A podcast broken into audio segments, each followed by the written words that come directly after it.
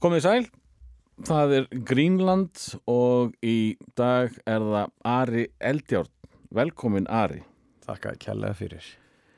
Ég get ekki slefti að eh, hefja aðeins leik með þessu stóra nafni sem þú berð. Getur þú aðeins frætt okkur um hvaðan eh, þitt Eldjárn kemur? Já, sko, ég hef verið spurður ofta þessi gernum tíðina. Mm. Það spurður að því fór í inntökupróf til að vera flugþjóðn hjá Æslandir og þá kom spurningin seint hvaðan kemur eldjósnafnið og ég svaraði með miklum skæting og sagði þarna það veit engin nákvæmlega hvaðan það kemur en uh, þetta er nafn á verkfæri sem er úreld og uh, einnig til nakkur frá íshestum sem að heitir þessu ágæta nafni. En nákvæmlega hver upprunni orðsins er, er ekki vita. Og þá var spurt já en ertu skildu fórsetanum já, já Kristján Eldjórn, annar, hann var sem sagt afi minn En langa, langa við minn, síra Kristján Þóraensson á tjörn, hann tók þetta upp í einhverju bríari og að sömur vilja meina, kenderi. Og þetta var svona mín leið til að útskýra þetta. En myndur þú segja að uh, það væri byrði að vera með þetta ágæta nafn? Ekki, nei, ekki mínu tilfelli. Er, Maður þekkir svo marga eldjárna þarna, þetta er allt mjög merkilegt fólk og svo kemur þú þarna í, í kjölfarið á einhverjum og var press á verstu frábært eldjárn. sko ég held reyndar að það er alltaf áskorunin að ert með eitthvað svona eittanafn, það er að Það er mjög létt að verða svart í sögðurinn náttúrulega, þú gerir eitthvað hryllilegt af þér þá tengir fólk eittanafni við það. Mm. en ég get ekki sagt, ég hef fundið pressu nei, frekar var þetta bara eins og gott nafnspjald þegar maður var krakki sko þá var fólk svona býtt, ertu þá svonur Þór, já, já, já, ég get sagt það. Að ég er ætti ára og svara þetta alls og þú veist það, í raun og veru er þetta rosa góður conversation starter eða hvað maður að segja, spjall spjall hafning spjall upphaf. Já, Íslandi lítið land allir eru tengdir og skildir þannig að ég ég hef alltaf verið mjög kátur með þetta fyrir utan að það er bara svo skrítið líka. Eh, en eh, sko þessi starfsgrein sem þú valdið er síðan eh, sem er gamanmála höfundur, það nýrið eh, sko pappiðinn eh, mikilsmetinn ríthöfundur eh, það er forsetin hann uppi líka. Eh, var það eitthvað erfitt? Náttúrulega þitt grín er ekki að detta rassin já, það, já, já jú, jú, ein, einhverju leit er það það en, en nei, ég get ekki sagt sko að minn náttúrulega fórsetið áður en ég fættist mm. og ég fann nú ekki mikið fyrir því nokkuð tíman ekki mikið pressa þar nei, það var nú mér að látin sko bara því að ég var eins ást þannig að ég þekkt hann ekki einu sinni Nei. En ég mani, ég var svona tíu ára þá fór ég að vera meðutar um það, hann hefði verið fórsetið, mér fannst þetta aldrei flott, sko. ég var svona frekar reikin af því.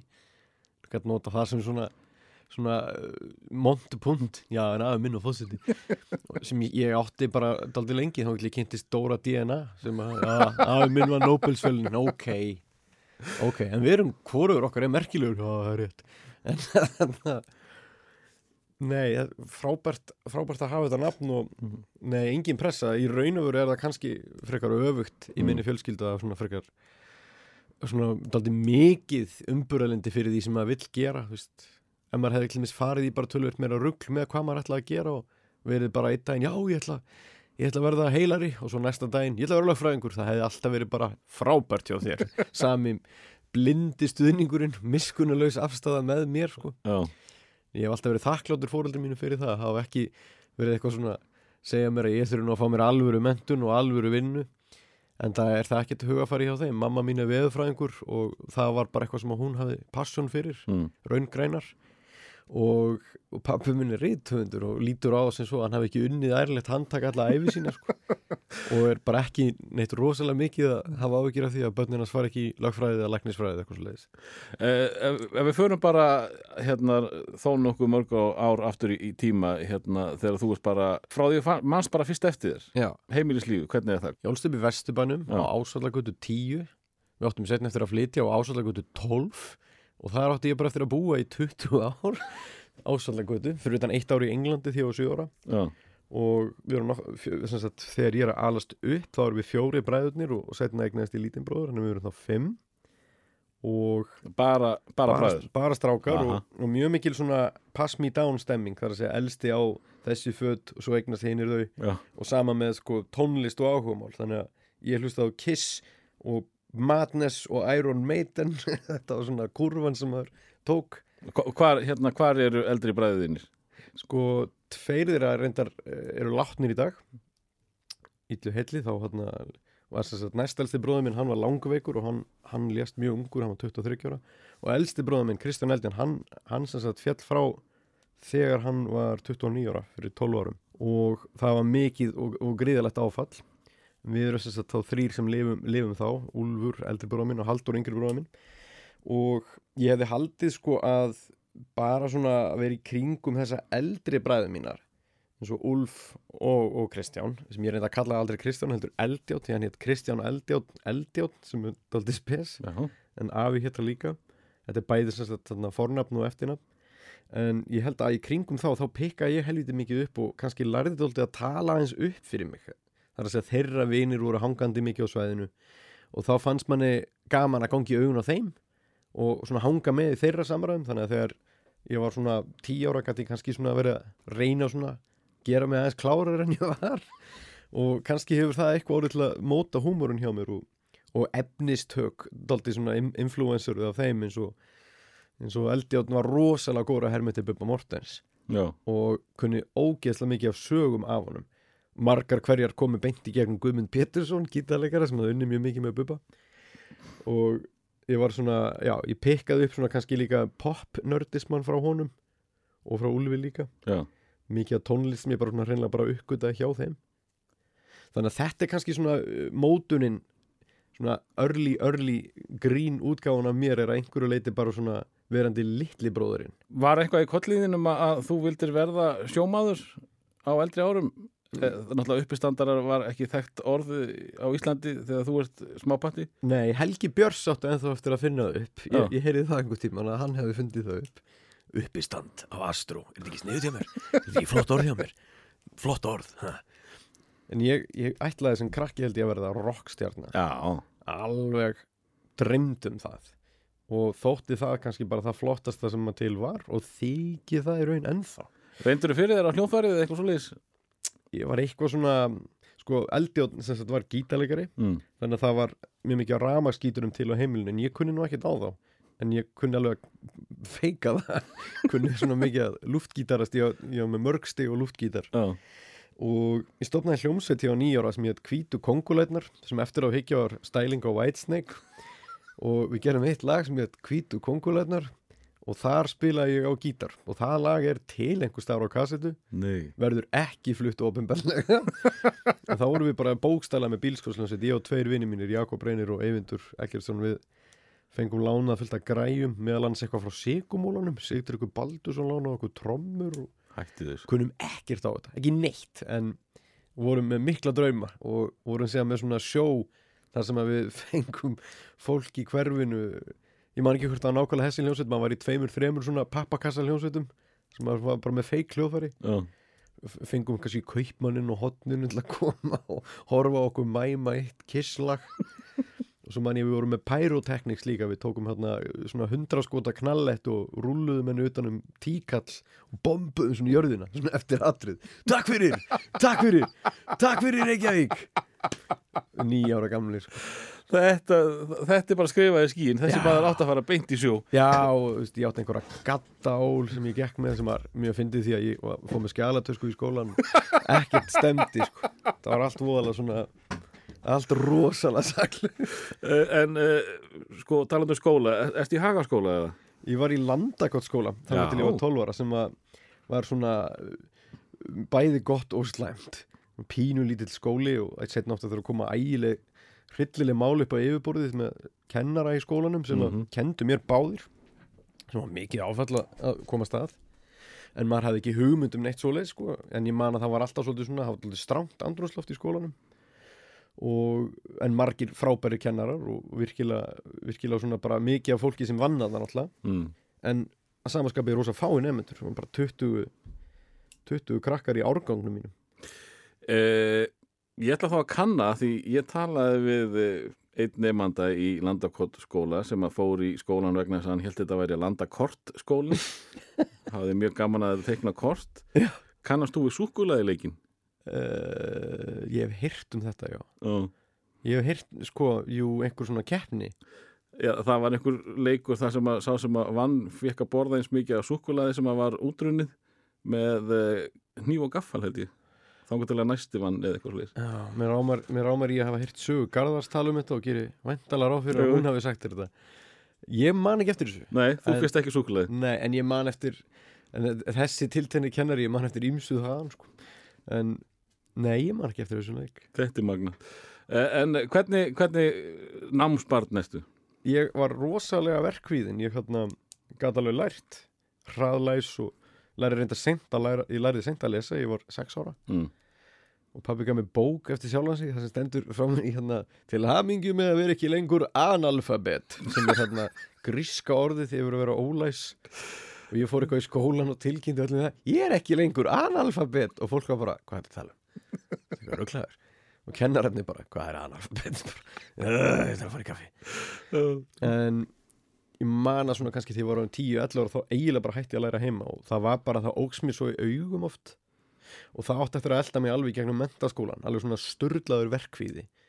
Og þetta var Hva, Að kallað byrja þá eða? já og bara þú veist svona bara bara einhvern veginn bara fresta þessu alltaf bara Já. býða og svo bara hætti þessu bara, og svo fór þetta að verða svona lífstíl hjá mér. Fór í einhverjum algjöru afneitun með þegar ég var í MR bara "Eh, þetta er bara, veist, ég er bara að gera þetta vel eða ekki skilur annarkvært bara skrýð ég eða dugsa svona algjör klikkun sko því að núna á fullorins árum þá hef ég lært að þarna jafnt og þétt er alveg gríðarlega öflugleið til að Mm.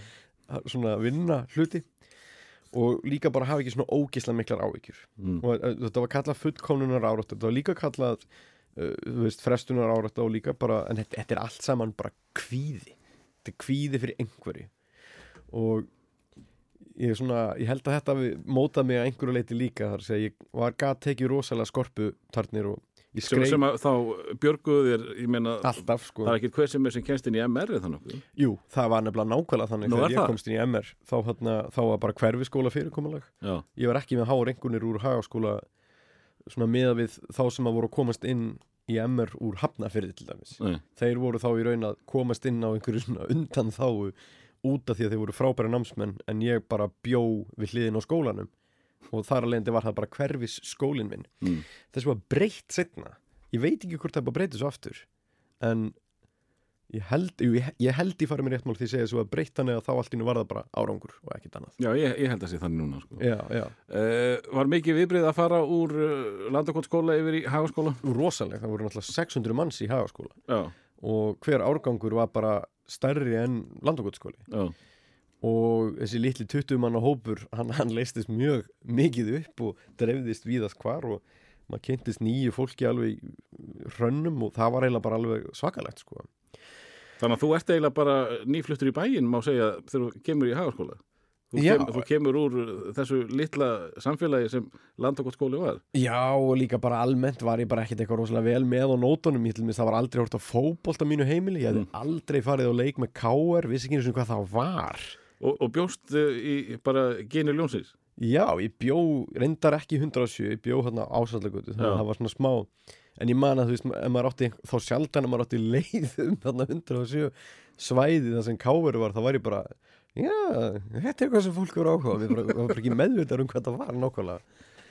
Og, og bara einmitt, all, allt mitt fótboltadót, það er allt eitthvað sem gerist eftir 2004, Já, eftir 2004, þú ert bara orðið fullorðið já, þá bara fór ég fyrsta skipti sko fótboltaleik, þá, það var fyrsta skipti sem ég fór á fótboltaleik var Ísland-Búlgari eftir að Ísland þarna ég held sko að ég hafi án gríns ég var farin að fylgjast með fótbolta kannski 2001-2 eiginlega bara Chelsea því Eðusmári var í Chelsea. Já, og bara vini mínir útskýrðu fyrir mér að það væri mjög merkilegt.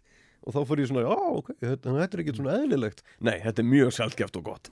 Eh, af því að við erum að tala um fótbolta uh, þú náttúrulega skapaðir magnaðan já, fótboltamann uh, sem var notaður í einhvers konar auðlýsingaherferð var það símafyrirtæki það var Nova, það var Nova? Já, já, árdaga Nova. Og, og sagan á bakvið uh, þess, þennan karakter er uh, þú bjóst hann til erlendis eða ekki? Nei, sko þessi karakter er í raunin búin til út af því að ég ákvað sem sagt 2007 eða 6 og 7 þá ákvað ég til að ég hefði aldrei spilað fótbolta af minni og mér fannst það bara að vera allt í einu svo skelvilegt að hafa ekki einu svona hæfilegan til að kunna sparka í boltan því ég bara lærði það aldrei. Mm. og ég sá hvað það var mikið félagslegt lím hjá félögum mínum að vera í einhverjum svona bumbuboltum eða þinguboltum eða hvað ég kallað á alltaf einhver meinhæðin nöfn brostnir draumar er bjöðbræði með og eitthvað svona. Og mér langaði bara að vera með því vera bara nógu góður til að vera bara svona í slaka boltanum. Hefja ferilinn í bumbubóltanum. Já, en ég þurfti bara að læra að spila fótbolt. Ég þurfti bara að kenna mér það 25 ára sem var algjörlega fáralegt, ég bara hafði ekki hugmyndum hvað neitt var, ég kunni ekki að sparka í boltan ég vissi ekkert hvað maður átt að staðsetja sig eða hvað menn voru að reyna yfir höfuð. Já. og ég fór að fann á netinu um einhver svona fótbolta kennslu Já, alveg og eitt af þeim var frá held ég Middlesbrough. Rétt það sem var bara einhver svona tannlaus gamall þjálfari sem var bara með einhverja krakka og hann var svo ógæðislega útbrunnin og strángur í krakkan og var eitthvað come on my son, let's see my son yeah, yeah, step over the ball. Og var eitthvað að kenna þeim að taka skærin svona fárlega erfitt múf og já, þar, þar fór ég að þróa með mér eitthvað svona burnout karakter sem var hann að og svo byrjuði að gera þess að Nova herferð og hún var eitthvað svona svolítið snöggsofin að milli halvu ég var svona, ég ætlaði að gera eitthvað svona grínum að ég væri að læra þetta frá grunni Mm. og gæti nota síman til að skoða þessi mymbönd Já. og svo byggum við til mymböndin og þegar eins og ég læði þetta upp þá var þetta í raun bara svona einhver leikmynd að vera Já. með mymbönd um einhvern fótboltamann. Já, bara auka karakter í herrferðin Já, sem bara sáum við auðlýsingarnar og mymböndin og sagði bara mymböndin er miklu fyndnar en auðlýsingarnar eins og gerist oft þá, veit maður ekkert endilega hvað það er sem er að fara að virka best og maður sá það líka bara í tökum á, á mymböndunum með eh, Gary Duncan að hafa bara hleyið ógislega mikið. Og það voru, það er líka bara þægilegt format þetta er einn maður að tala og, og vera bara ógislega heimskur. Og það er létt einhvern veginn fyrir mig að fara í karakter ef ég tala ennsku því að Mm. þá er ég mjög meðvitaður um þetta er ekki ég, ég vil ekki gerfi sem ég haf aldrei prófa áður. Og svona Eiríkur Fjalar fótboltans. Breitlands og við enda, þetta endaði bara því að Nova kerði þessar auðlýsingar á bara HM slottunum á RÚF 2010 Alveg sem að voru örgulega bara mjög stór, mjög mikið hort á þetta. Mm. þannig að sú, sá karakter átti mjög skrýtna meðgöngu. Og þessi enski reymur sem hann talar er náttúrulega bara eitthvað svona mashup af einhverjum nokkurum enskum reymum sem ég svona hafði svona semi-tilenga mér eftir að hafa hort á einhverja sjónvarsþætti og svona. En ég fann eitthvað spjallborð hjá liðinu sem hann spilaði fyrir Scunthorpe United Já. sem ég held ég væri að skálda upp. Ég vissi að Scunthorpe væri til og, og það hljómar eins og Scumthorpe Já. bara Þorp fullt, fullt af baki og ég ákvað að segja Scumthorpe United því það hljómaði eitthvað svo lélegt við liðin á Manchester United. Segja bara er það til? Og þeir voru með spjallborða sem þessi maður kom til tals og það var eitthvað Auðstis Mappi He never played for Scumthorpe did he?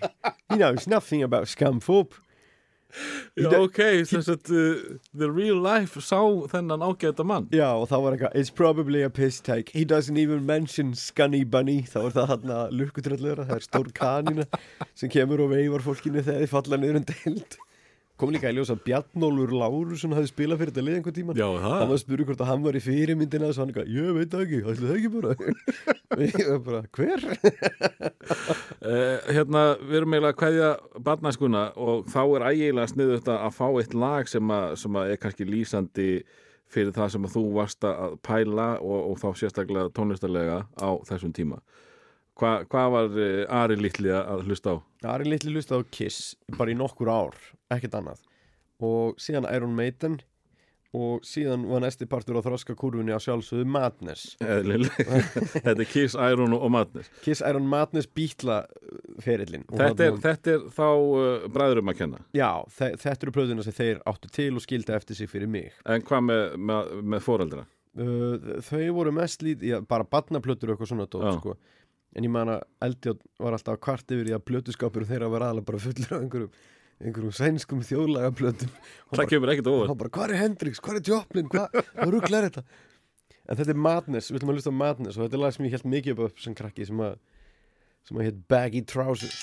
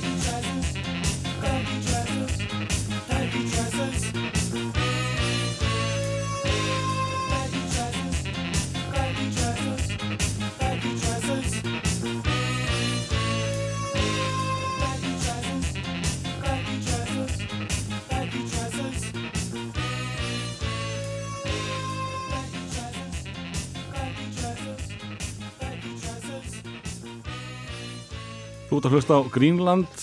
Ari Eldjárn er gestur minn í dag og uh, þetta var uh, já, badnæsku leiðið hans uh, Baggy Trousers. Uh, Þú ferð frá Landakott skóla yfir í Hagaskóla og uh, við vorum eitthvað aðeins að tala um það hvort að það hefur erfitt að fara þar inn. Uh, hvernig er að vera unglingur í Hagaskóla sérstaklega með uh, já, þennan grunn úr Landakott skóla Ég man að hafa mjög ókveikjandi að byrja í áttundabekk á þessum tíma var áttundabekkur í sérstakri almu sem var uh, bara ein hurð inni og það var mjög létt fyrir leiðinlega eldri nefndur að sitja við þá hurð á bekkjum sem voru þar illu heilli og svona rek út lappirnar nú eða taka upp á því að loka hurðinni og rukka toll menn voru oft spurðir hvort þeir vera með pening eitthvað, nei ég er ekki með pening. Hoppaðu. Svo myndi klingja í svona krónum. En ég, ég fór nú heldur bara alltaf með veggjum fyrstu tvö árin sko. Sérstaklega voru einhverju svona skeri krakkar. Það var samt leikfélag þarna sem að Sigurjur Eithórsdóttir heitinn lest nýlega, hún stýrði því að mikilli snild og það var jóla eitthvað svona skemmtun alltaf á hverju ári. Það sem, var, það sem voru leikatrið frá áttundabekk, níundabekk og tíundabekk nú eða leikfélaginu, það fór eftir í hvernig fyrirkomulegi var. Mm. og svo að tískusýning sem er eitthvað sem er alveg horfið í dag sko, væri bara vonlust í dag að vera með tískusýning veldi já ég sé eftir því. Ég, þetta er mitt uppáhalds áhorf. Það var góð leið til þess að sjá hverju voru vinsalir hverju voru í náðinni hver var elítan, en ég man að ég leik í leikriti sem ég skrifaði sem ég leik einhver... Nei, skri, hva, hvað ertu gammal til að skrifa leikrið? Já, þetta er náttúrulega bara eitthvað bull leikrit þetta Já, er bara eitthvað gert á hverju ári sko. Þetta er fyrir á feriskrona, skrifaða leikrið ég leik nasista í hérna einhverju grínleikriti sem við gerðum sem hefur örglega verið inspirerað eitthvað af producers eða eitthvað svoleiðis Já. sem fjallaði um eitthvað frönsku anspyrtuna þetta er meira allo allo Já. þetta hefur verið svona kópjara allo allo sem var alltaf í allt í hersöndum ég leik hérna eitthvað ég leik eitthvað uh, pyntingarmann eitthvað svona sérfræðing sem kom þá, we want to make you talk, eh og fekk mann í rosa hlátur og var alveg svona Og talaður ennsku nei, Nei. ég talaði með einhverjum þýskum hreim Ok. eitthvað svona, þetta er mjög gott Já. eitthvað svona sem er, þetta er örgulega aðeins áður en hérna Jóngnarleik hérna Dr. Frölich Langa kissist á Langa kannski kessja Dr. Frölich Sóða strák En þetta, þetta var allan að manni svolítið svona skemmtilegt Við leikum líka í leikriti sem ég heit Þú ert í blóma lífsins fýblið þitt mm. sem Davíð Þór Jónsson skrifaði og hefur verið sett upp miljón sinnum af einhverjum svona nemyndafélögum einhverjum svona barnaskólum og gagfræðaskólum aðlúta því að bara það er einhvern veginn ekki til einhvern veginn fyrir þann aldursópi Já. svona unglinga leikri tólkjört þannig að það var mjög skemmtilegt en ég kannski var ekkert eitthvað rosalega stórtækur í félagslífinu í, í hagaskóla en ég fór að vera svona virkari í tíundabekk Mm. þá var maður bara fann að eignast miklu meira vinum og, og, og bekkinni þegar maður stokkað upp aftur í tíundabekk þá, þá var einhvern veginn eitthvað svona gömul hugsun að það var hægferð, miðferð og hraðferð. Mm og ég fór í hraðferð. Já, það var rosa lítill munur á þeim öllum nema þarna var svona svolítið verið að búa til svona kannski einhvern svona hálgeran tossabekk með hægferð. Já, þetta var ekkert rosa gott kerfi held ég því að sumir sem fóru í hægferð vildi bara að það veri betur kent vil bara fá meiri kennslu Mhm. í stærðfræðinni en ekki vera kannski að lenda í því að, svona, að það veri bara eitthvað svona fullt af fólki sem bara hefði engan áhuga að læra einmitt en það búið að breyta þessu kerfi mjög oft síðan þá og setna að maður fundi upp námsveri og eitthvað sluðis En uh, varstu sterkur persónulengi í barnaskóla eða, eða unglingaskóla, gaggó? Já, ég held að ég hef alveg verið mjög eftirminnilegur sko, Mm. á flestum þessum stöðum en náttúrulega pínu lítill í mér og, og, og rosalega svona lítið hjarta sko. Já, varstu, svolítið hrættu við fólki í kringu því? Já, hrættu við að vera tekin fyrir og eitthvað svoleið sko, það, ég var eitthvað svo lítill ég var miklu minni, það voru margir vini mínir í barnaskóla og voru alveg bara mjög stórir, Já, bara höfðinu herri en ég sko þannig að ég var svolítið svona óanað með það man ég, sko. en þegar þú ert komin í, í tíundabekk uh, þá náttúrulega er engin eldri og þá varstu, þá varstu the man eða eitthvað Nei, ég var ennþá alveg pínu lítið þá, sko. Já, það er sko bekkjamyndina mér í tíundabekk er alveg bara hilarious sko. Fólki finnst almennt fyndi hvað ég var barnalegur og, og er svona svolítið barnalegur ennþá en nei, nei, ég var það aldrei the man, ég, ég var alltaf litli gaurinn, sko. ég var alltaf svona svona gæðin sem sagði brandarana frekar en að vera eitthvað töffari sko. Og, og hvenar, hvenar fæðist þessi, þessi trúður sem að hérna, þú hefur þá unni með? Ég veit það ekki alveg. Ég, ég held ég hafi alltaf verið pínu á bremsunni í, í skóla svona, með að vera svona, al- ég var ekki svona class clown, Nei, en kannski meðal vina, alveg mjög, mjög svona peppaður, sko. þegar þú varst alveg örugur þá, þá Já. lestu vaða Já, og sérstaklega ég var hangandi í kringum, veist, eins og Ragnar Kjartansson og, og Sú Klíka sem var öll í kringum Úlf, bróða minn. já, Ég alveg bara svona tengdi mjög stert við þau og þau eru eldri, fimm árum eldri og þar, þar var ég alveg bara svona með frýtt spil fannst mér. nákvæmlega eh, Svo hérna klárar Hagaskóla og ferði MR eh, Þú talaðar hérna um verkkvíða og varst ekki að fá frábæra reyngunir úr Hagaskóla þá þegar þú kveður hann eða hvað Nei, en alveg bara skömminni skárun það sem tók við í MR sko.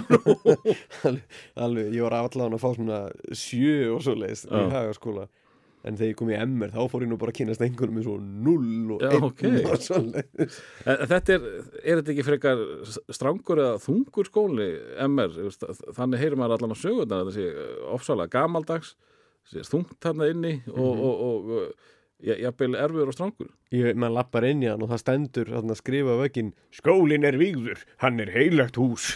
Bing, klukka og bygging sem getur kviknað í á morgun. Já, En jú, ég man að var svona surprise próf í stafsetningu fyrsta daginn. Fyrsta daginn? Já, það bara, já, surprise próf stöðupróf í stafsetningu og það verður gefin mínus heill fyrir allar villur og ekki stoppað í núl og það var allir sem það fengum bara mjög margi bara, já, ég fekk mínus 17 og ég man að ég fekk fjóra á því prófi. Já, það er að segja, ég var mjög sterkur í stafsetningu en ekki út í að við nokkuð tíma lært hann heldur bara svona sjónminni. Já, og alla villuna sem ég fekk voru sko smekksatriði. Það var svona smekksatriði hjá MR. Því þeir kendu sérstakar stafsetningu. Þetta var það mikið ríki í ríkinu. Lág við að þeir kendu setu en þá sko.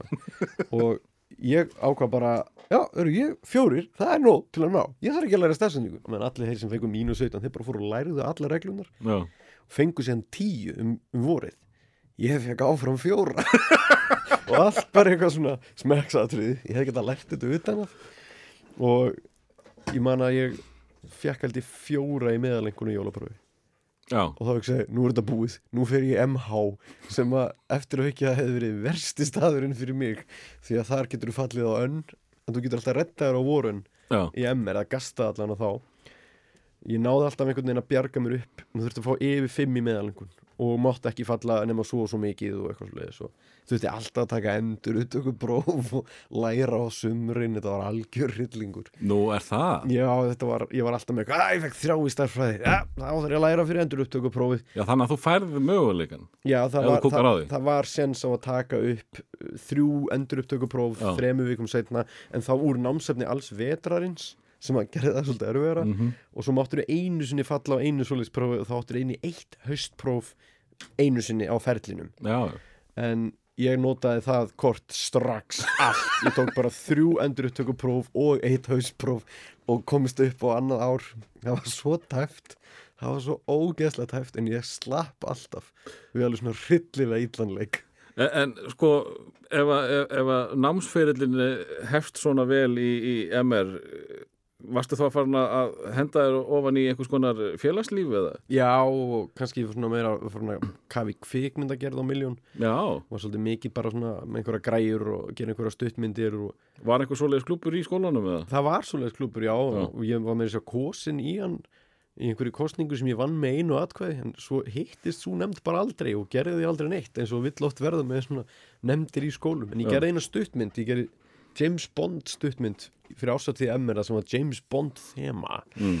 og við vorum handteknir þegar við vorum að taka hann upp því að við vorum með gamlan riffil. Og einhver klagaði okkur við vorum að taka upp í öskjulín einhverja senu.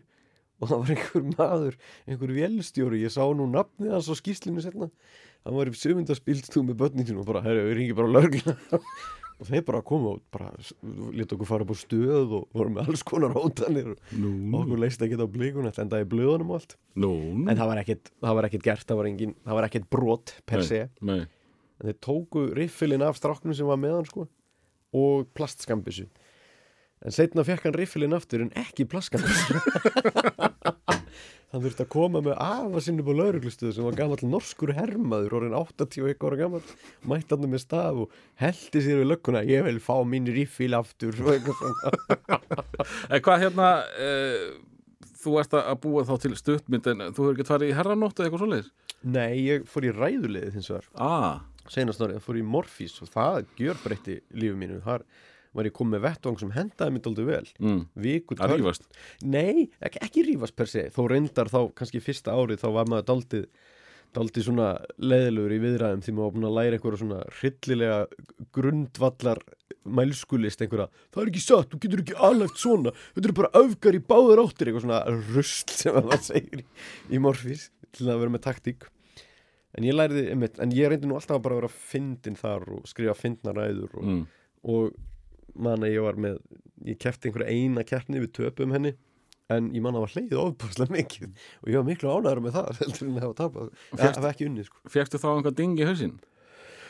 já sko næstu ár sko ég uppgötaði einn mann þarna þegar ég var á seinast ári í MR þá uppgötaði þessar ræðukeppnir og fannst þær bara ógeðslega fyndnar Mm. það var mjög mikið af fyndnum ræðumennum og það var haldin svona innanskólakeppni og það kom einn strákur fram í þriðja bekk sem er þess að fyrsta árið í MR sem að var bara 15 ára, hann var ára undan og var valla röddinn hans var valla búin að breytast sko, hann var bara, hann talaði bara hér. Mm. og hann var svo ógeðslega fyndinn og kaltaðinn og skrítinn og öðruvísi. Og Bergur Ebbi, hann nefnilega var einu svona í svona ræðukeppni líka. Hann kom og dæmdi þessa keppni og hann hló svo mikið og var bara, myndi alltaf eftir þessum strák. Hver er þetta? Og það var hann Jóhann Alfreð. Já, og svo setna þegar ég var búin að útskrifast og svona, þá var hann orðin formaður málfundafélagsins og, og þá var hann orðin svona ræðumar í ræðliðinu og þá var ég fengið til að þjálfa liðið. Og þá byrjaði svona okkar samstarf. Mér fannst hann svo ógeðslega fyndin Jóhann Alfred já, og hann var geggjaður ræðumæður líka. Og hann er mitt kunni aldrei ræðuna sínar. Hann las þær bara á blaði og vann alla nánast. Við töpum einhverjum keppnum, úrslita keppnum og svona. Mm. en hann var þarna það var mjög gaman bara fundirnir sem við hittumst, við vorum með umræfni sem voru galin eins og á að draga Ísland suður á bóginn og, og við vorum alveg á því sko. Mm. og unnum þá keppni. Og lánaði með rökræm og voða einföld. Já, það skiptir ekki máli hvort þetta er hægt. Það er bara, ef það væri hægt Já. ættu að gera það. Og svo bara brandarar. Brandarar, brandarar, brandarar, brandarar. Það verður gott fyrir okkur, fá eitthvað suðrænt blóðin í einn svona. Ég, hérna, ég talaði nú annan uh, með Íslands bróðin og, og hann var í þessu uh, Morfis uh, hérna dæmi. Og hann var alltaf leiðilegurinn, hann fór aldrei í grín. Hver var það? Uh, Björn Bræði Já, já, Björn Bræði vann líka Morfís þarna- Hann vann Morfís þrísvar og Já. gettu betur einu sinni. Já. Já, hann var líka hann var óslega leðilegt að keppa við hann.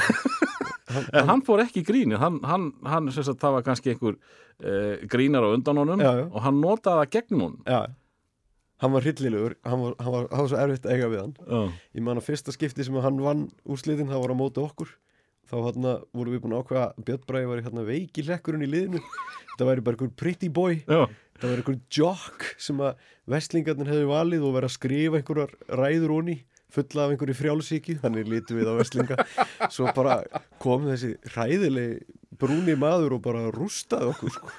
og var langt besti maðurinn í sínu liði nýliðin í sínu liði sko. já, og já. ári eftir var hann orðin bara svona skelvilega góður sko.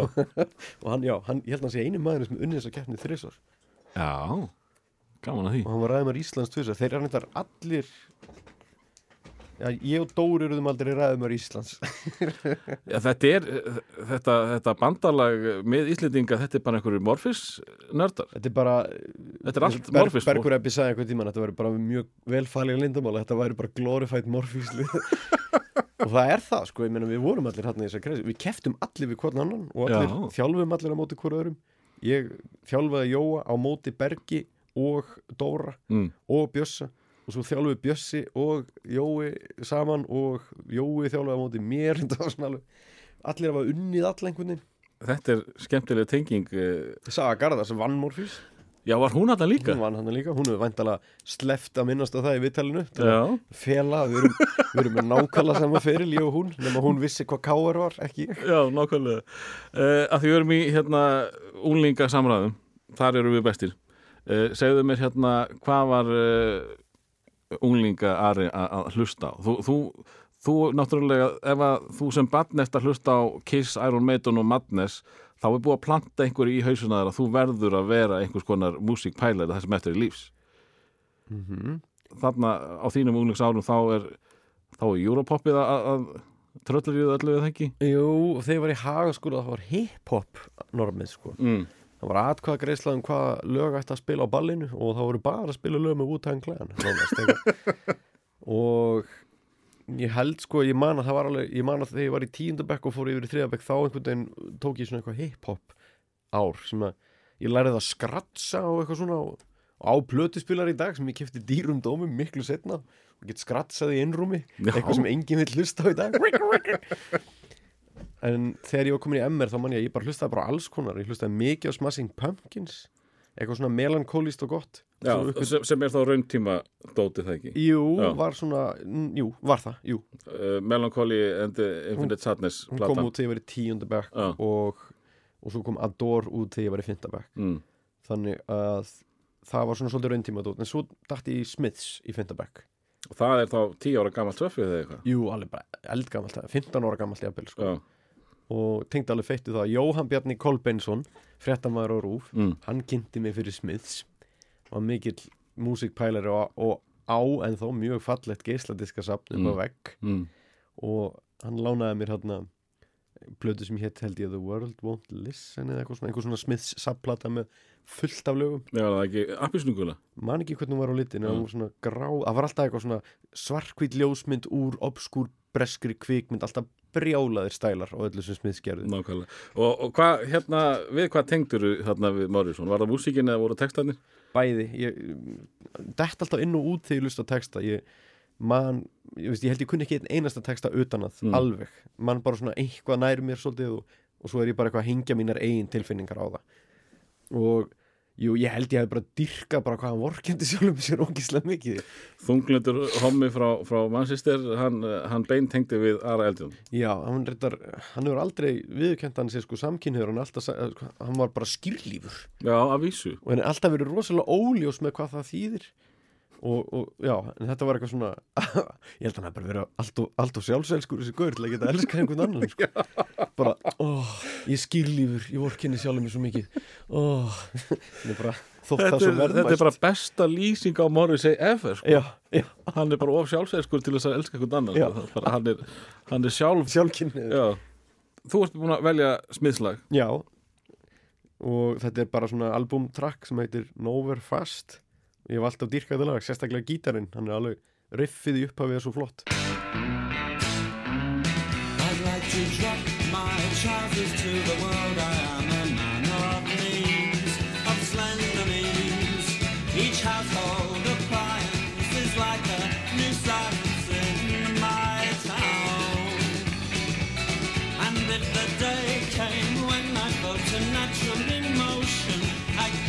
Such a shock I'd probably jump in the ocean. And when a train goes by, it's such a sad sound.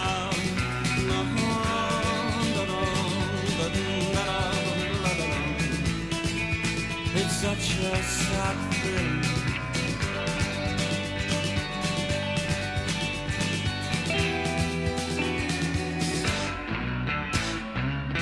I'd like to drop my trousers to the queen. Every sensible child will know what this means. The poor and the needy are selfish and greedy on her.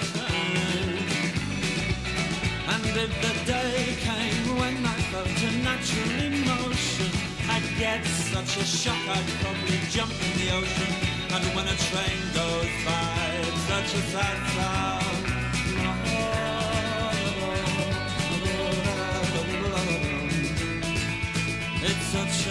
It's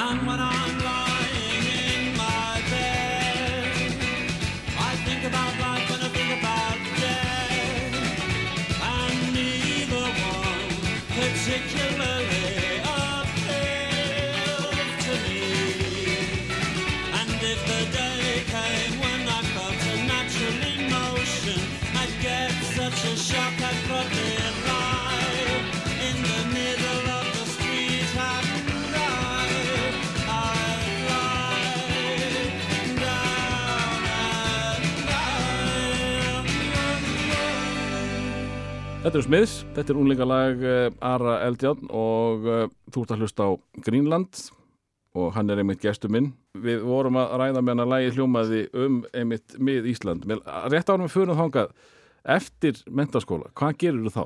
Það er bara mjög svona mótandi tími sem tók við. Ég var mjög svona stefnulegs og, og ráfandi. Misti bróðu minn á þessum tíma Mm. líka. Þetta var því ég var svona 20-21 ás.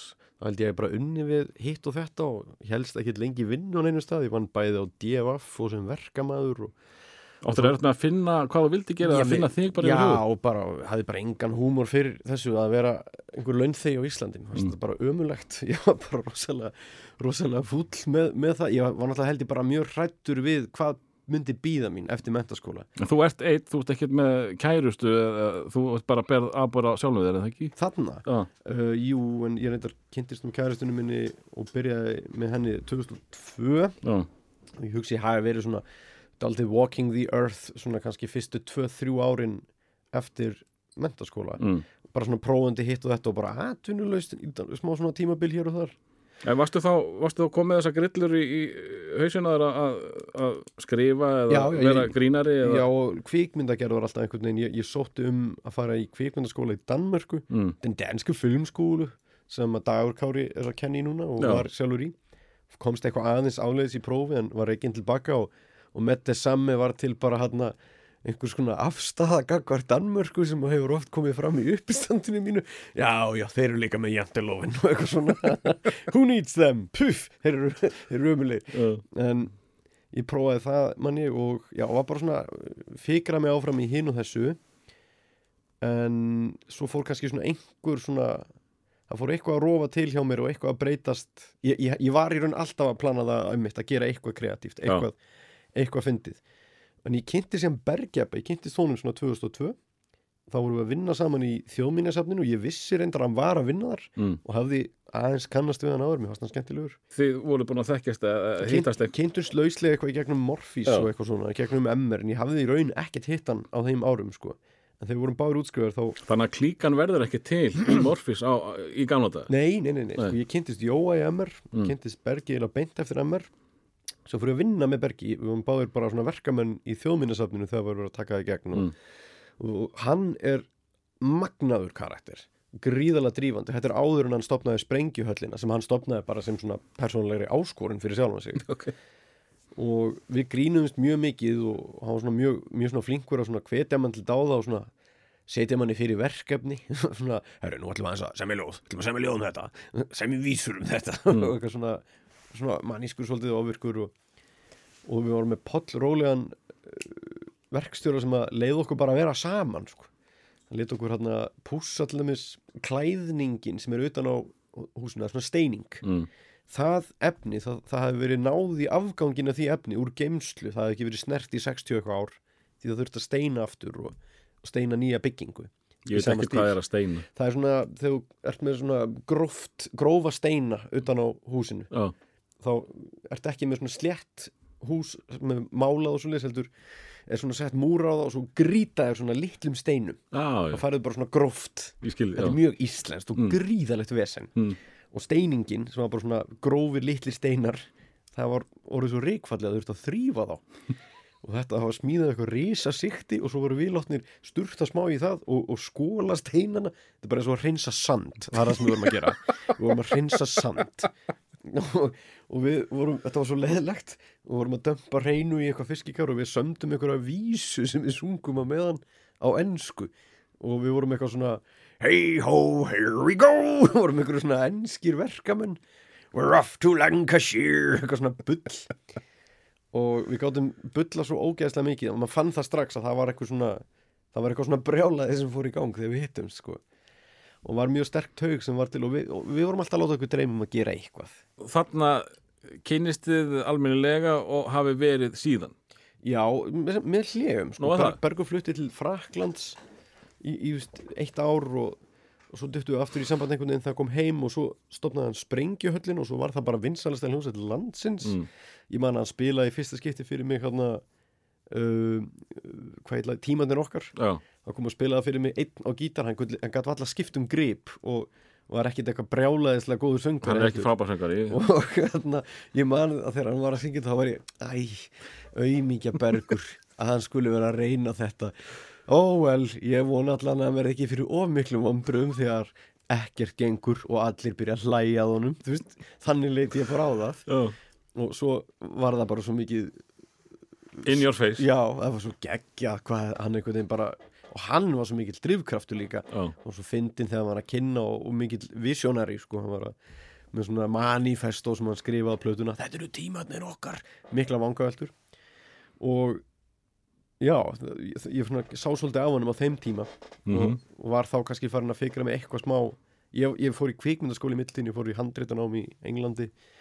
Og fekk að skrifa skaupið því ég var nýkomin heim Býtu, hva, mástu hvað ár það er? 2006 skrifaði skaupið með Býtu, það er þá eitt af því bara fyrsta sem þú gerir eitthvað? Já, Hvernig- hvernig kemst í- grímupunktu. Það var þannig að Úlfur, bróður minn Mm. hann hefði unnið mjög mikið með leikstjórunum Reyni Lyngdal, Já. gert fullt af auglýsingum ég heldur að við gert saman hann að Iceland Express auglýsingarna með heimsborgaran Já, sem var að tala um að í útlöndum er allir að jacka það er allt tískan í dag, ég held að þeir, held að þeir hafi gert það og Reyni vildi fá hann en hann sagði sko, heyrðu, ég til í að fá bara bróðu minn inn hérna á bara uh, hálfdrættingslut fyrir okkur báða. Mm. því að honum fannst sem að ég þyrfti að fá að spreita með þessu sem að mjög fannst mjög fallega gert á honum. Og svo datt einn handritsöfundurinn út held að það verið Hjálmar Hjálmarsson. Mm. og þá einhvern veginn var bara full manna og þá var ég bara orðin bara fullblón handritsöfundur Já, og hugleikur var hann líka og hann er frændi okkar þannig að það var stutt í grínu þar kynntið Þorsteini Guðmundsinni hana mm. og Margréti Örnórsdóttur þetta var allt alveg toppfólk Mm. og við bara skrifuðum öll 25 skatsa hver í sínu hotni hittumst annars slæðið það var mjög þægilegt og svo bara valdi reynir úr og Þorstein var eitthvað aðeins að hjálpa hann í því Mm. og það var algjörlega geggjað, þú veist, ég, ég skrifaði bíl springur og reynir bara springt upp bíl það voru meiri peningar í sköpinu þá Þarna þá vantarlega bara springur þú út og, og þarna, herðu, ég veit hvað ég vil, vil gera Svolítið, ég var að vinna auðlýsingastofa þarna líka og það hjálpaði mér held ég mjög mikið mm. bæði bara að fá eitthvað know-how og kynnast fólki og... og varstu þá einn af þessum hugmyndasmiðum og, og textahugmyndum Já, Já. ég gerði nú ekki mikið samt, sko, ég var nú alveg bara í einhverju góðu stuði yfir kaffibóllanum sko. Ég held ég hef meira verið fengið fengi að vera hann bara upp á stemmingunum að hafa mig sko. góður á fundum og svona ekki drosa góður í að klára hluti Er það ekki á þessum tíma sem að þú, þú tekur humarinn? Nei, það er setna Það er setna það er bara um leið og ég fór að hérna, byrja í uppistandari Já og, og þegar, sko, hvað færði þig af stað? Er, er, er með Ísland fyrsta gigið þitt eða erstu byrjað sjálfur? Nei, ég, Dóri og Bergur byrjuðu Mm. bara tveir á prikinu og ég var alveg gal opinn manni á þessum tíma mér langaði svo mikið að prófa nýja hluti Mm. og þetta var eitthvað sem ég var búin að hugsa um í nokkur ár Snorri Hergill var uppistandur í Englandi Mm. kynntist honum eitthvað nei ég reynda kynntist honum setna en ég vissi af honum þekkti fólk sem þekkti hann þegar ég bjó í London í eitt ár þegar ég var í kvimnaskólanum Mm. og þá var ég svolítið að hugsa ætti maður kannski einhver tíma að prófa uppistand ekki kannski prófa hérna úti ef ég prófa hérna úti þá get ég kannski aðeins lært á þetta hér og þá þarf maður ekkert eitthvað Ekki byrjaðar á ennsku Nei, ég- sko, ég, þetta var það sem ég var svona að hugsa Já. um. Það geti kannski svona, að það er svona skárun að vera niðurlaður heima, sko. Og svo fatt ég eftir á, ó, hvað er gott að ég prófa ekki að byrja úti í London Þú veist, ég hefði tekið svo hryllilegar álíktanir út frá því, sko Fyrsta sem ég prófaði var hérna 2009 og Karamba Já. Og það var svo góðar viðtökur Og svo ótrúlega mikil hlý og mikil eftirspurn eftir þessu Var, var þetta þá þitt fólk í salnum eða? Slatti Já. og líka bara fólk sem að kannski svona þekkti mann Mm. En þú veist, ég myndi segja mjög vinnveittur salur En það var líka alveg hlegið mjög mikið bara þegar eitthvað var fyndið Og ég átti bara rosalega gott kvöld Þannig að það hefur vantilega sparkað duglega í Alveg, sko, ég leit ég leit bara á mig sem uppistandara eftir það. Þú veist, bara daginn eftir var ég bara, já, þetta er það sem ég gerir núna ekkert samt frá að vinna við þetta en þá Hvað ertu gammal þannig? 27, það var 28 Já, og varst ekki búin að finna stefnuna nákvæmlega í lífinu? Nei, en Nei. var svona var búin að vera eitthvað deginn svona eitthvað tengt kvipinu gerð, eitthvað tengt skrifum eitthvað tengt gríni. Já, og ég held að ég hef oft verið að hugsa meir um að gera kannski eitthvað svona eitthvað svona eins og fósbræður eða eitthvað svoleiðis. Ekkert endilega vera að pæla í stand-up hlutanum af þessu sko. En hann var allt í einu bara aðal. Eitt af mörgum sem að þú gerir skemmtilegt það eru, það eru þessar eftirhermur. Mm. og hvenar, hvenar dettur það inn? Ég var bara með þess að bubba eftir hermu alltaf.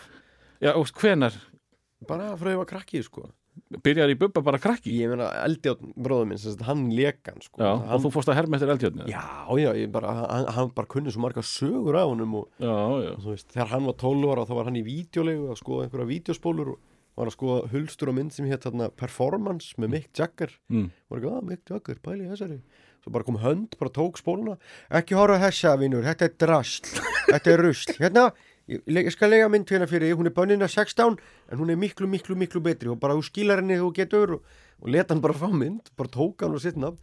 Þetta var Bubbi. Og þetta var myndin Deliverance. Mjög frægu atriði. Jú, vissulega. Og hann fór að horfa á hann á 12 ára og var bara Bubbi Mortens sagði mér að horfa þessa mynd. Svo kynntist hann honum aðeins einna á eitthvað svona.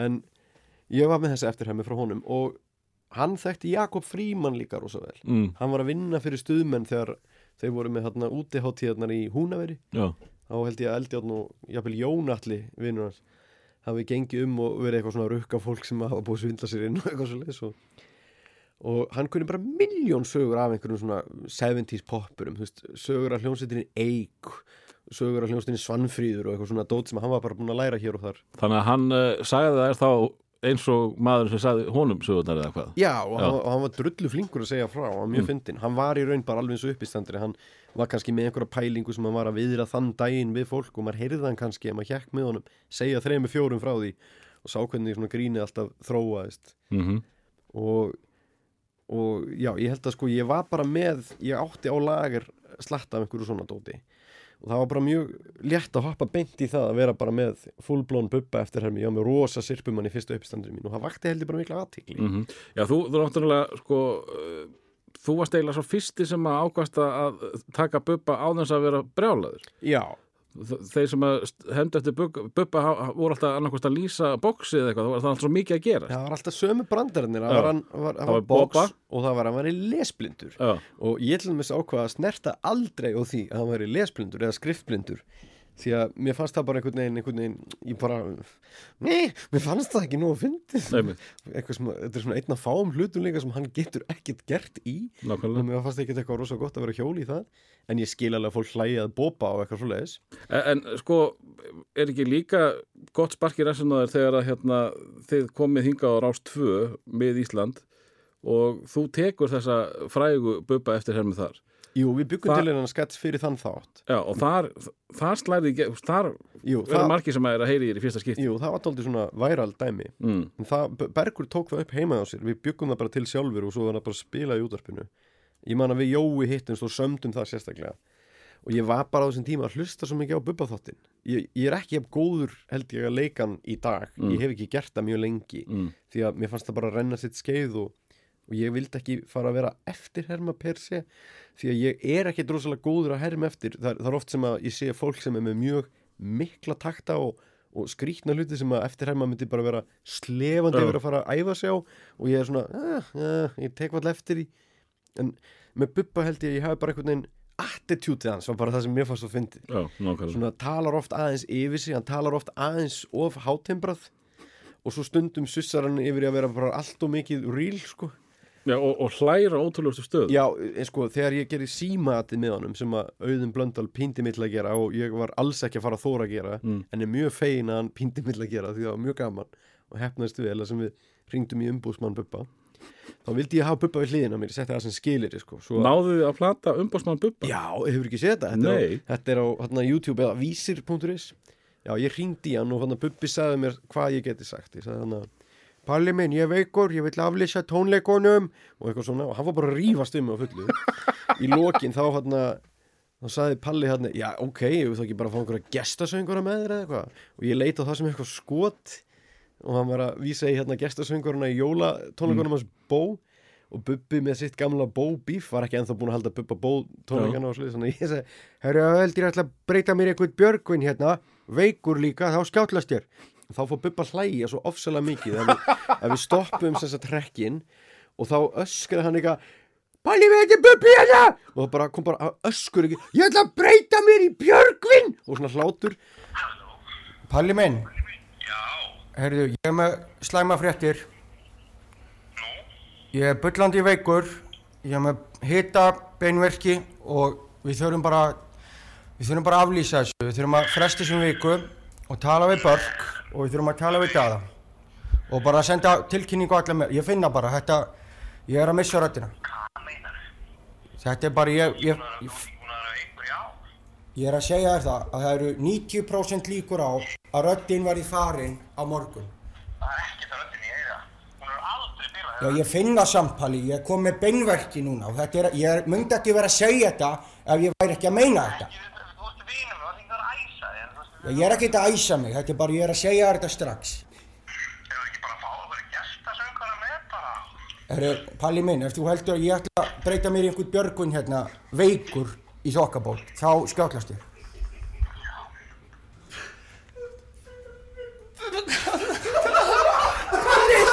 Palli, þetta er Bubbi hérna Þetta var hann Ari Eldjárn Ég ætla að breyta mér í Björgvin. Og ég held sko án gríns að þetta væri of ykt bara ég búin að, þetta bubbiljum er ekki svona. Var bara, þetta er allt of ykt eftir herma hjá honum og bara, þetta er hann. Herðu, við verðum að, allan að ára við hættum sko með Ísland uh, þetta er náttúrulega orðið risabatteri Já, já, reysafurum fimm eftir sem áður. Já, en uh, þetta er samt orðið svo stórt. Þeir byrja, hvað, þeir byrja tveir á príkinu mm Dóri og Bergur er það ekki? Jú, Uh, þeir eru fimm en uh, þið sko, þið auglýsið herðu, við erum að fara á, stað með nýja sýningu og það er bara, það er, þið tek, takið bakkalútin á þetta, það er bara uppselt fram, í, fram á vor. Það selst eitthvað upp fram í tíman en, en sko sýningun okkar er náttúrulega þetta eru margar litlar sýningar. Til Mm. við erum með lítinn sala, við höfum kosið að halda okkur í þjóðlökuskjallarunum því það er skemmtileg stærð. En að samaskapið þá, þá kannski selst ekki upp marga mánuði fram í tíman því að Nei, ég bara íkja þetta. Já, en þú veist, það, það, er, það getur alveg komið upp svo stað að þessi selt, uppselt nokkra helgar fram Mm. í tíman en eins og með bakalút, þá náttúrulega veit fólk að þetta er bara í desember. Já, já, einmitt. þannig að það verða bara allir vitlausir og það bara selst upp á einum degi. Við varum alveg til í að hafa það. En, en þetta er þetta er ykkar aðal vinnaði það ekki? Jú, algjörlega. Sko með Íslendingarnir mm uh, þetta er nummer eitt og svo er kannski auka gig það er nummer tvö og svo er allt hitt er nummer þrjú er það ekki? Jú, en síðan sko eins og ég fer mjög mikið út í bæ að skemmta Já, hef það sem svona hina aðalvinnuna. En eins og sko Dóri er til dæmis bara að skrifa og búið til sjónvastætti núna. Mm, þannig að hann er minna í því. En hann gera reyndar alveg líka sko. En hann er búin að vera bara einmitt að skrifa hérna mjög magnaða sjómaserju sem að fyrir tökubráðum og er bara svona aðal höfundur á henni. Ekki grína nei, bara svona drama eða jafnvel svona dramedi ok. Ég veit um hvað hún er en, en ekkert mikið meir sko. Hljómar mjög vel. Mm og hann er að leikstyrið hann Hattikunni en uh, já, ég fer slatta á þessum tíma, janúar til april þá er bara svona hábjargræðis tími í íslenskum skemmtunum og, og Íslendingar eru mjög skrítnir með það að þeir halda svo mikið af stærstu viðbörunum í janúar til april Mm. og það er bara einhver gömul skamdegis þorra hegðun einhver. Á meðan sko í Svíþjóð það er bara allt steindautt í janúar því þá er jólin búin.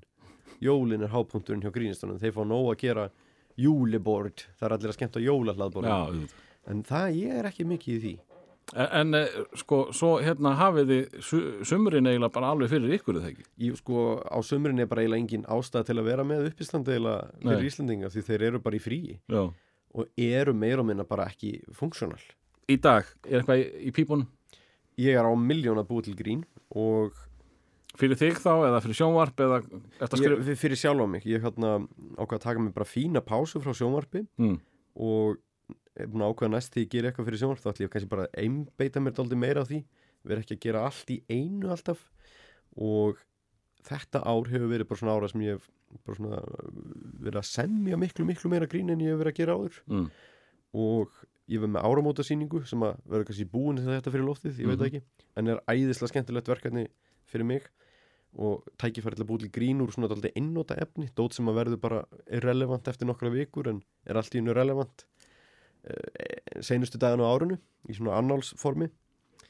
En á því herrans árið 2017 þá ætla ég að fara til Edinborgar. Ég ætla að vera þar með sýningu á Edinburgh Festival. Aha. Ég fór í fyrsta skipti núna í ágúst seinastlinum þangað og var í fjóra daga. Mm. sá held ég 14 uppistandsýningar Já, þar áttu bara að skoða, núna þarf að vera með. Já, nú ætlum ég með og, og ég var bara svona að skoða þetta er helviti hart gig sko þetta er uh, getur fengið einhvern svona frekar ómerkilegan stað til að vera með uppistanda á, á hverjum degi kannski klukkan tvö Mm. og heppin að koma 10-20 manns og, og bara mjög ólíklegt að komi nokkur skapur hlutur út úr þessu en það eru allir hann Mm. það eru allir hann og þú veist, það koma allir þessi stóru koma og taka eina, tvær sýningar og selja upp eins og skot og, og svo bara hitti maður alla. En er þetta ekki líka bara eitt af þessum boxum sem er svo gott að tjekka við? Jú, Ég, ég gerði þetta. Þetta er Jakobsvegurinn. Já, þetta er all, algjörlega þannig sko. og sumir komaðan alveg tilbaka bara skít blankir og bara þunnir sko, bara uh, hvílíkt sukk. Ég ætla svona, að taka þetta alveg, en mér er gaman að gera þetta á ennsku já, og ég skemmti alveg slatt á ennsku en það er yfirleitt bara hérna á Íslandi fyrir svona einhverja ráðstefnu gesti eða sem vilja fá eitthvað svona létt sprell. En þú ert orðin vanur í ennskunni þannig að þú, þú ert ekki trættu við að fara upp á svið í Englandi eða Skotlandi? Alls ekki, ég hef, hef ég alltaf bara búið líka að ennskunni frá ég var krakki og bjóð í Englandi. Já, en því lengri tími sem líður án þessi farið til Bretlands því meiri verður svona íslenski reymurinn já, og mér rekun meiri í vörðunar og því Já. ég gerði hérna fótboltakarakterinn hinn setni Stuart Cowering sem að við gerum fyrir drekasvæðið einmitt. þá fann ég bara þegar við vorum að byrja að taka ég var ekki búin að tala ennsku í marga mánuði og, og hljóðmaðurinn Nick Cathcart Jones hann var svona aðeins eitthvað It's alright, it's getting there, come on. Hann var, svona, hann var að hjálpa mér hvetja mig til það því ég var bara búin að gleyma hvernig segir maður þetta? Uh, Ari Aldján, við uh, þurfum að loka þessu og uh, ég hef fengið, já, gesti mína til þess að velja lokalag sem er þá eitthvað sem er lýsandi fyrir það sem að það er að hlusta á í dag. Ég er mjög, einmitt, mjög ánægð með að hafa fundið þetta lag þegar þú spurðið mig út í hvað ég var að hlusta á í dag. Sem var ekki nema gamalt stöf. Já, ég er nefnilega að hlusta svolítið mikið á vínil á skrifstofunum minni. Já, Ég kom með indislega skrifstofa sem ég get samið brandara og líka bara verið með bókald og svona. En er alveg öðru leiti bara svona safe space fyrir mig til að pæla og, og slappa af líka. Líka bara góðu hægt að sofa og maður verður þreyttur að því að hugsa. vissulega. Og þar hlusta ég oft á Kurt Weill Já, og þá sem sagt Weill skrifa Vaff-E-L-E. mm. þú ert ekki að halda því fram að sé eitthvað skona væl. Nei, ég er, meina, ég er ekki það djúpur ég sé að hlusta á hérna Kurt Weill ég sé í einhverju svona kap, kabarett stemmingu einhverju. og það er lag með honum sem heitir Dust Bunnies sem að mér finnst alveg geggjað og ég held meira sem sé með einhverju svona tilvísun í hérna Don't know much about history. Lagið, nema hann syngur það í svona whiny Bob Dylan tón. Don't know much about history. Og ég enda mjög hrifin af hann út af því hann er með hennan whiny brat tón því að þegar ég fór að sjá Bob Dylan 2008 þá var ég alltaf býð eftir að heyra þarna To be stuck inside of Mobile and the Memphis Blues again. Og svo fatta ég bara í miðjuleg er hann er að syngja það Já, það bara breyta svo mikið. Já, hann er lengur búin að missa vælið sitt. já og hann er bara búin að breyta það hann að lægja var bróðið To be stuck in that Mobile. With the Memphis Blues again. Og einhverju Bob Dylan nördar frænst voru bara mjög gott, mjög gott. Hann tók þessa útgáð, hún er mjög flott þessi sko, ég á þess að bótleg Þú sem, sem hérna, sko, er auðvitað að sleppa þér, þú sem Dylan, Dylan maður uh, og, og ferð og sjá hann, er þetta ekki vombriði? Þegar hann tegur ekki þennan er orðin. Ég veit ekki, ég, ég var svo ánæður að sjá hann bara, Já. þó hann væri fúll og Var hann fúll? Hann- þér ekki. Hann bara sagði, já, thank you friends sagði hann og svo flög hann í burtu í engaflugvel Ég fór að sjá Brian Wilson um daginn, hann getur valla sungið, sko, einmitt. en ég var alveg bara uh, klökkur, sko Já, ég svo Pól Jóng einu sinni, ég var ekki klokkur. eh, hann, Já, einmitt, elsku kallinn Æsku kallin. Ari við skulum enda þetta á Kurt Weil, takk kærlega fyrir komuna og uh, það verður spennandi að fylgjast með þér uh, næstu árin félagi.